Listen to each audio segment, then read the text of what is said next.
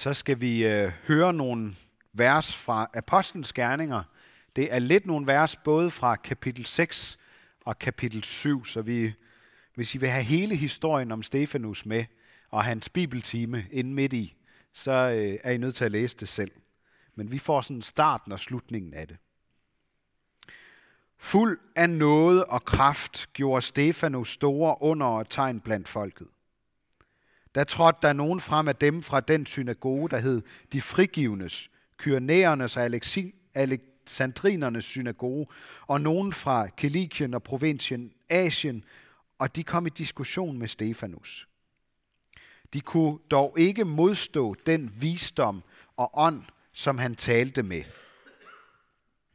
Så fik de i al hemmelighed nogle mænd til at sige, vi har hørt ham tale spottende om Moses og Gud.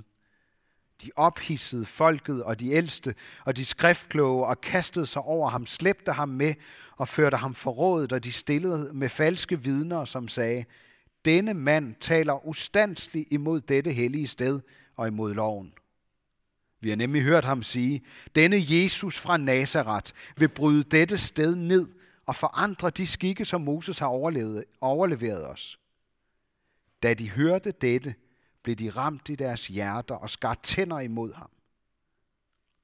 Men fuld af helligånden stirrede Stefanus mod himlene, og han så Guds herlighed og Jesus stående ved Guds højre side, og han sagde, Nu ser jeg himlen åben og menneskesønnen stå ved Guds højre side.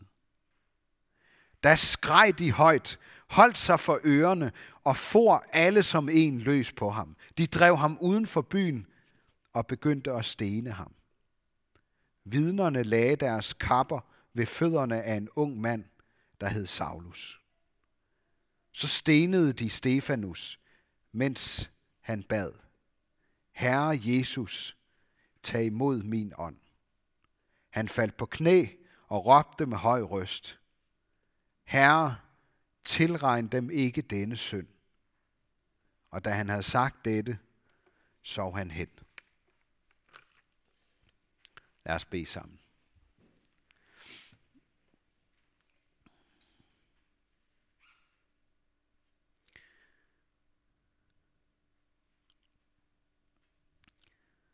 Jesus, jeg beder dig om, at du vil gøre os stille for dit stærke evangelium, der lyser selv på de allermørkeste dage. Amen.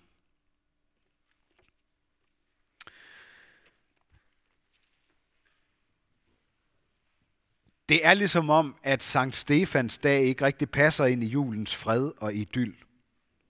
Fordi den barske virkelighed, vi lige har hørt om her, skærer sig ned midt i julen og efterlader os med et åbent sår. Hvorfor blev der ikke fred på jorden, efter englene sang julenat?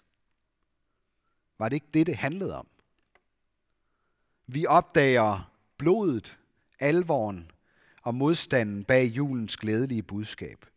Anden juledag rummer alt det mørkeste i hjerterne og hos menneskeheden. Jeg ved ikke, om I hørte, hvordan der går en lige linje fra Jesu død langfredag til den første kristne martyr, der med falske anklager bliver uskyldigt henrettet. Det er ligesom om det hele gentager sig. Med de samme argumenter. Jeg ved ikke med jer, men jeg bliver sådan helt stille. Fordi det rammer noget dybt, uretfærdigt og grotesk. Og samtidig sådan en, en svag genklang i mit eget hjerte fordi jeg også har den her medfødte modstand mod Gud og hans alt for generøse kærlighed, der blændes, der blænder os som en engels lysende ansigt. Jeg synes, der er noget overnaturligt frygtløst over Stefanus og hans radikale, forbilledelige liv og død får mig til at se lunken og halvhjertet ud. Jeg ved ikke, hvordan I har det som kristne i dag med at sammenligne jer med Stefanus, der måtte lade livet for sin tro. Jeg bliver stille og mangler ord. For hvordan kan man tro så stærkt og tale så frimodigt og elske så meget? Tilregn dem ikke det, de gør mod mig. Sammen med Stefanus, så får vi et kig ind i den himmelske verden, der står i skærende kontrast til alle de jordiske skrig, til ondskaben og til volden. De vil ikke høre på Stefanus, eller høre på Gud. De holder sig for ørerne, mens hans blod og alle andre uskyldige ofres blod helt tilbage til Abel skriger til himlen.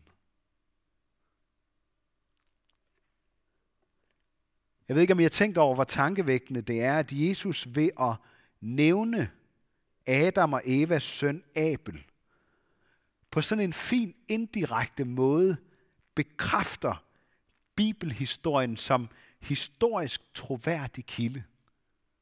Abel og så ham der øh, Barakias, eller hvad han nu hedder, som er fra den, den nyere jødiske historie under Makkabæertiden. Øh, så, så får Jesus ligesom sagt, det her, det er menneskehedens virkelige historie. Det er ikke bare et eller andet juleeventyr.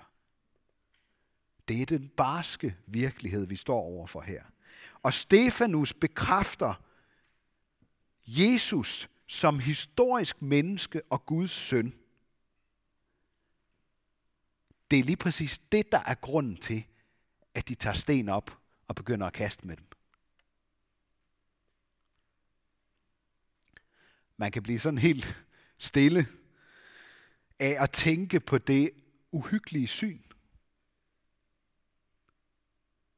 Jeg tror aldrig Paulus, eller Saulus, som han hed på det tidspunkt, der var en af dem, der så på, glemte Stefanus lysende ansigt. Jeg forestiller mig, at han har vågnet op nogle gange om natten og set det for sig. Måske blev det senere for ham et ikon, et billede på Kristus, på Guds kirke, som han også engang havde bekæmpet. Så jeg tænkt på noget andet. Hvordan må reaktionen var i himlen, dengang Stefanus blev stenet?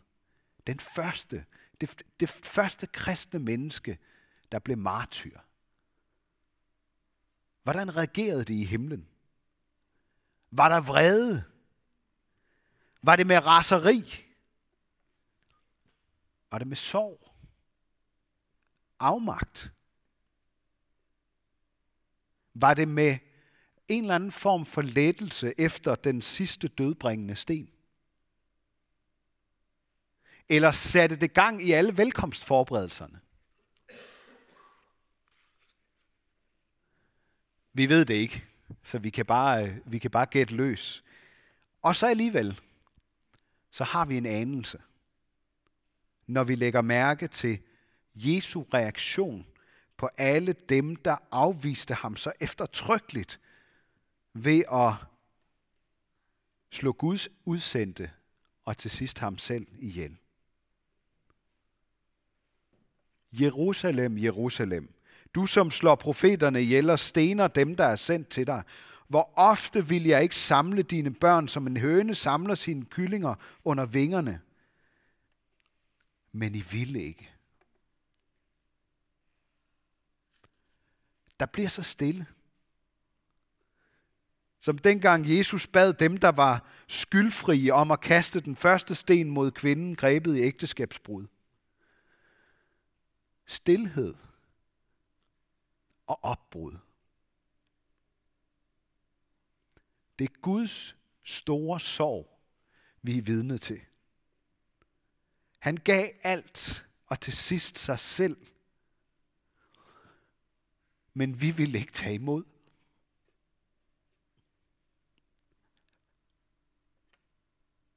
Han kom til sine egne.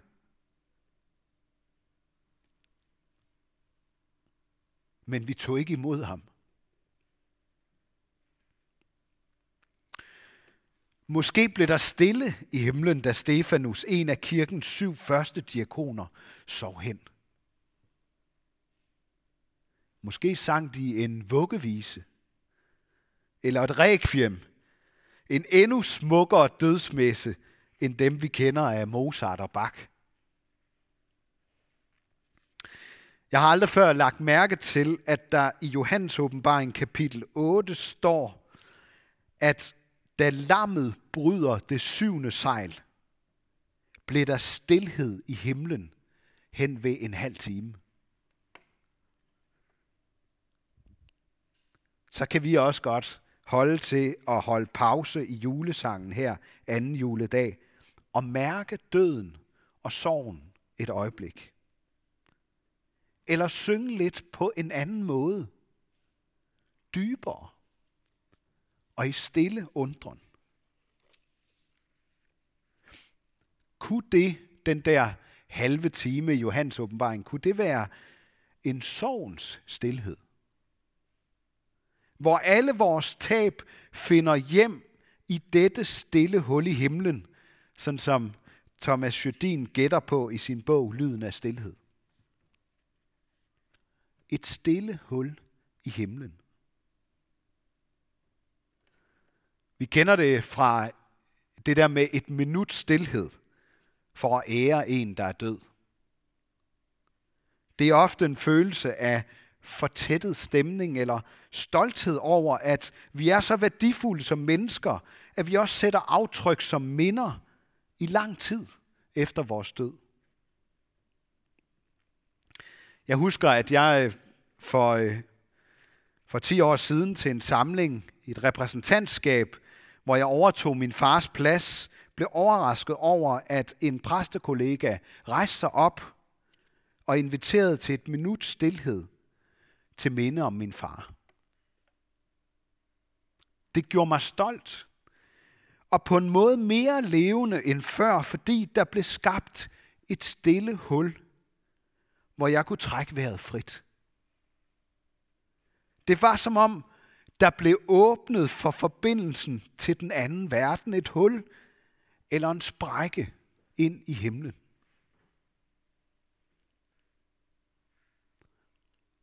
Hvad sker der med os, når vi bliver stille?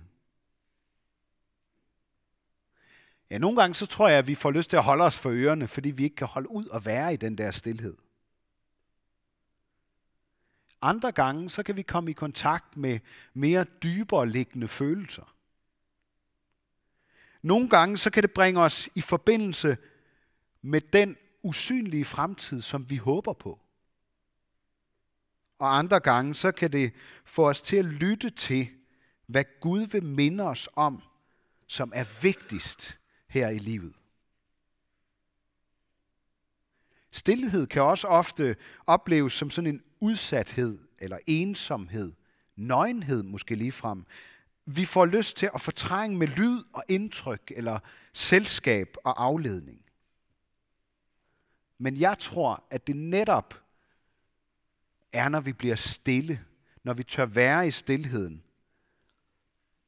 at vi kan hele på rigtig mange måder. Hvor Gud kan få lov til at klæde os på til livet. Det sker, når vi i stille undren fornemmer, at dybden af Guds kærlighed er langt dybere end den menneskelige ondskab. Og at det lys, der lyser i mørket, er så stærkt, at mørket ikke kan overvinde det. Da Stefanus havde fortalt stort set hele bibelhistorien i sine sidste minutter fra Abraham til kong Salomo, så så hans ansigt ud som en engels, står der. jeg har spekuleret over, hvad var det, der lyste? Det må have været Guds ord. Som en lygte gennem århundrederne og foran dem lige der i Jerusalem på en frygtløs mands ansigt. Lidt som Moses oplevede det, havde himlen smittet af på ham, mens han talte om Guds lysende plan. Var det, var det mildheden, der lyste? Sandheden? Helligheden? Eller var det kærligheden? Eller måske lidt af det hele på én gang?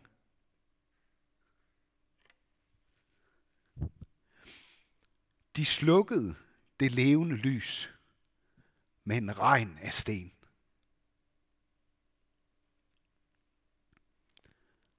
Jeg ved ikke, om I kan huske den der særlige duft fra et lys, der lige er blevet slukket. Og hvordan røgen fra vægen stiger sådan lige op i luften, indtil det sådan er oset helt af. Sådan steg Stefanus offer og liv op til Gud. Så hver gang vi slukker et levende lys, så kan vi mindes den første martyr, hvis lys stadigvæk skinner hver eneste jul, fordi lyset er stærkere end mørket.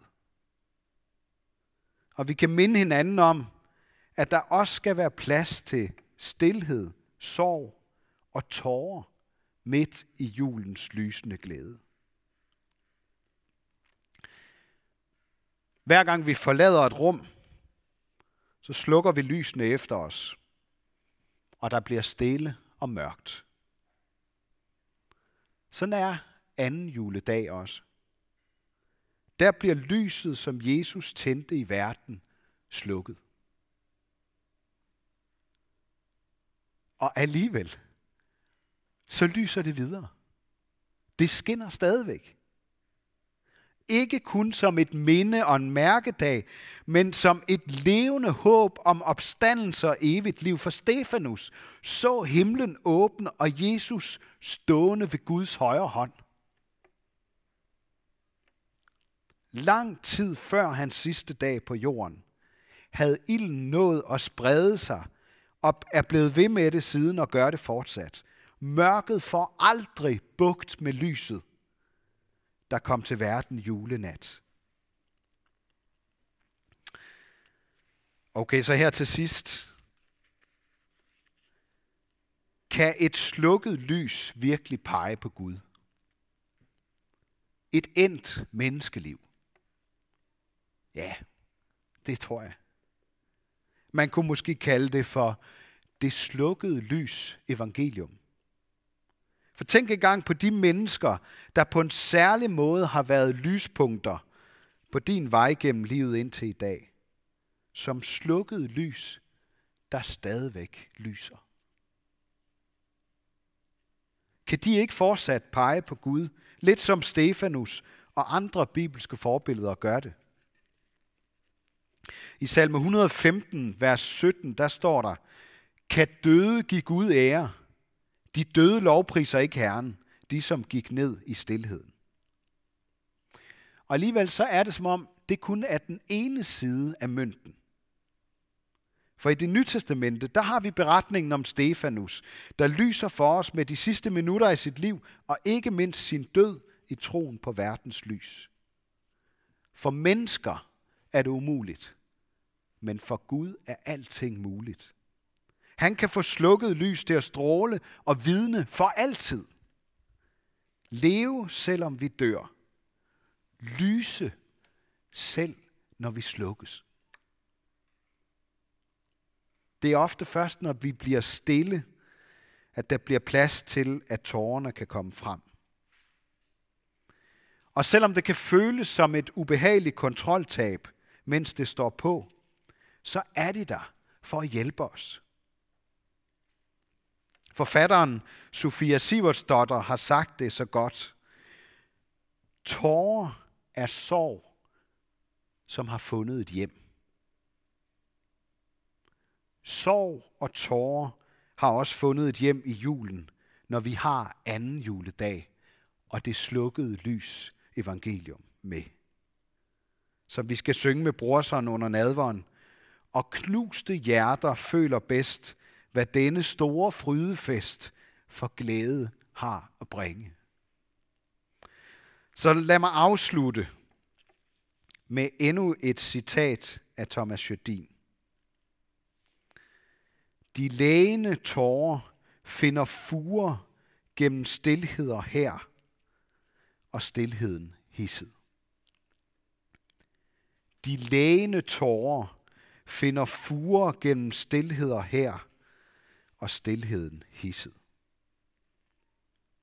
Glædelig jul, fordi al sorg har fået sin endelige udløbsdato.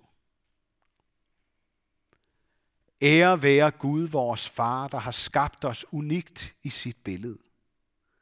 Ære være Guds søn, der tog vores straf, så vi kan leve for evigt i frihed. Ære være Helligånden, ham der gør Guds kærlighed levende for os.